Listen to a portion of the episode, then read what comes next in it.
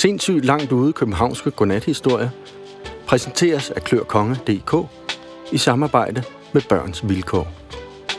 Historie nummer 2. Blågård.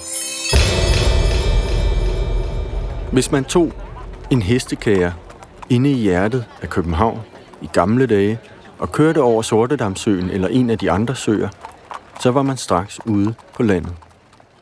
I dag er der både et Nørrebro, et Vesterbro og et Østerbro på den anden side af søerne, men i gamle dage var der ingenting, altså ud over bønder og dyr og kornmarker og et par enkelte gårde. Alle disse gårde blev selvfølgelig bygget for, at bønderne og dyrene havde noget at bo i. Der var dog en enkelt gård, der blev bygget til noget andet. Den hed Blågård og lå i det område, vi i dag kender som Nørrebro. Blågård eksisterer ikke længere, men har overlevet i navnene Blågårds Plads og Blågårds Gade. Nu tænker du sikkert, at Blågård må have været meget blå, men det er slet ikke tilfældet. Den var faktisk kridhvid. Og hvordan det hænger sammen, det er det, vi skal høre om nu. I omtalte meget gamle dage fandtes der ikke blå farveblyanter og blåt farvekridt. Så når vikingebørnene skulle farve himlen på deres tegninger, så blev den enten gul eller rød eller grøn. Og de kunne heller ikke farve havet blåt.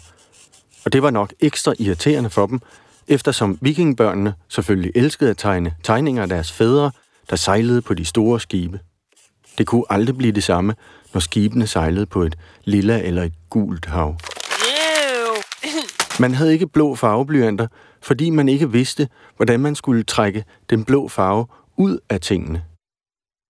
Det er altså svært at tage et blåt hav og en blå himmel og vride dem i håb om, at der skulle komme noget blåt farvestof ud af det, eller at tvære himmel og hav rundt på sin tegning for at få dem til at smitte af. Det er det samme med blå negle, blå mærker og blå mandage.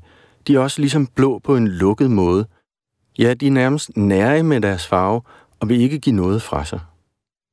En af Danmarks første konger, den navnkundige Harald Blåtand, fik faktisk sit tilnavn, fordi han havde hørt, at der var blåt farvestof at finde inde i egetræernes grene, og derfor gik og gnavede af dem hele sin barndom. Han endte rigtig nok med at få en meget blå tand ud af det, men det var sandelig ikke, fordi han var kommet ind til noget farvestof. Det var, fordi han havde ødelagt den med alt det gnaveri. Historieskriveren Saxo skulle siden kalde det kongens sager hang til som knægt at rende rundt og at lege bæver. Men i middelalderen dukkede der så en driftig person op. En mand, der først var en dreng, og han fik succes, for han hed John Rantzau. John Rantzau elskede som de fleste børn at tegne, da han var dreng. det er sjovt. Og en dag, da han var 10 år og endnu en gang havde følt sig tvunget til at male en rød solnedgangshimmel, besluttede han, at han, når han blev stor, på en eller anden måde ville gøre noget ved sagen. Han havde prøvet med blåbær, men de var faktisk ikke særlig blå, når man smattede dem ud på hvidt papir. Så blev de nærmest røde, og hvis man proppede dem ned i hvidt farvekridt, så mugnede de bare på en grønlig måde. Så John Rensau forstod, at man nok skulle gå mere videnskabeligt til værks. Dengang var munkene nogle af dem, der var bedst til at gå videnskabeligt til værks. Så John Rensau fik den idé, at han ville oprette et munkekloster og få nogle kloge munke til at sidde og eksperimentere med sagerne, så snart han blev voksen og så snart han blev rig. Da han var blevet begge dele, byggede John Rensau Blågård. Han importerede derefter tre verdensfjerne munke fra Belgien og satte dem til at producere en blå farveblyant. Bare én, så skulle han nok klare resten selv. Munkene havde aldrig fået så mærkelig og så svær en opgave. De havde drevet onde ånder ud af mennesker, de havde bygget store vandmøller af tændstikker, de havde fremdyrket mærkelige planter, som kunne helbrede halvdøde folk. De kunne det hele. Næsten da. For de kunne ikke finde ud af, hvordan man lavede en blå farveblyant. Hvad med en rød? spurgte en af munkene og trak en rød farveblyant frem fra sit penalhus. John Ransau rystede på hovedet. Nej, dem har jeg masser af. Jeg vil have en blå. Munkene kiggede på hinanden og sukkede. Så lagde de sække og penalhuse og soveposer i hjørner af blågård og gik ud i verden, for ikke at sige ud i det blå, for at finde noget blåt, som man kunne lave en blå farveblyant af. Den første munk tog hele vejen over til Danmarks vestligste punkt, Blåvandshuk, for med sin skønne munkesang at lokke valerne ind til kysten. Valer gemmer på mange gode sager i deres tons tunge kød, heriblandt ambre, som man kan lave parfume af. Men det var en ganske anden ting, denne munk var interesseret i, og derfor sang han især blåvalens sang. Dette kæmpemæssige dyr må dog være i besiddelse af ikke så lidt blåt, tænkte munken. Men de eneste valer, der kom, det var marsvin, og de vidste ikke noget om noget blåt. Ikke andet end det, der var i havet, men det var jo for upræcist. Munken sukkede ærgerligt og besluttede at gå tilbage til København igen, men inden han forlod stranden, fyldte han lige lommerne med blåmuslinger. Den anden munk gjorde det lidt nemmere for sig selv, for han blev i København. Det var kongefamilien, der havde hans interesse, for man siger jo, at konger og dronninger og prinser og prinsesser har blot blod i årene. Da han nåede kongens slot, bankede han på den store port. Det var prinsessen, der åbnede. Øh, goddag, frøken prinsesse, sagde munken og bukkede. De skulle vel ikke have lyst til at donere lidt blod i beholderen her. Munken rakte en lille flaske frem mod hende. Prinsessen vendte sig i døråbningen og råbte ind i slottet. Far, der står en lille pervers mand herude, som vil have mit blod. Hvad hvad? lød en tordenryst inde for slottet. Munken krøb sammen og skulle til at skynde sig bort, men det var for sent. Sekundet efter havde kongen skubbet sin datter væk og stod og tronede i døråbningen. Hertebred og Olm. Hvad vil du, din lille mede? spurgte kongen. Du er måske en af disse hersens blottere. Øh, Ak, var jeg lille usling blot en blotter, sagde munken. Øh, jeg er som end blot i gang med et lille eksperiment, som... Men munken nåede slet ikke at gøre sætningen færdig, før han havde fået sådan en på bæret, at han røg lige i brostenene. Heldigvis havde han taget kongens kraftige slag med den ene fortand, og det lyder måske ikke så heldigt, men det var det, for det betød, at kongen havde slået et lille hul på sin hånd. Så for syv trillioner ærgekatte, råbte kongen og tog sig til hånden, mens han fortrak ansigtet i vrede og i smerte. Snart skiftede hans ansigtsudtryk dog til forbløffelse, for den nu delvis tandløse munk krøb rundt for hans fødder og prøvede at fange bloddråberne fra den kongelige hånd i den lille flaske. Og da det endelig lykkedes, jublede munken og forsvandt. Den tredje munk tog til Blåhøj og fangede en blåmejse. Det var det mest blå, han kunne komme på. Da de tre munke mødtes igen i Blågård, lagde de deres ting på bordet. Der var et par blåmuslinger fra Blåvandsuk, en blåmejse fra Blåhøj i et bur, en dråbe blåt blod i en glasbeholder, og det var sådan set det hele. Munkene kiggede på tingene og vidste ikke rigtigt, hvad de skulle stille op med dem. De slog op i alle mulige hemmelige bøger, men fandt ingen opskrifter. Faktisk travede de rundt om bordet af tingene i flere dage, og endelig nåede de frem til, at der nok kun var én ting at gøre, eller faktisk to ting, og John Rantzau kunne hjælpe dem med dem begge. De hedkaldte ham Flux. Ja, vi vil jo ikke stikke dem blå i øjnene, herr Rantzau, sagde den ene af munkene.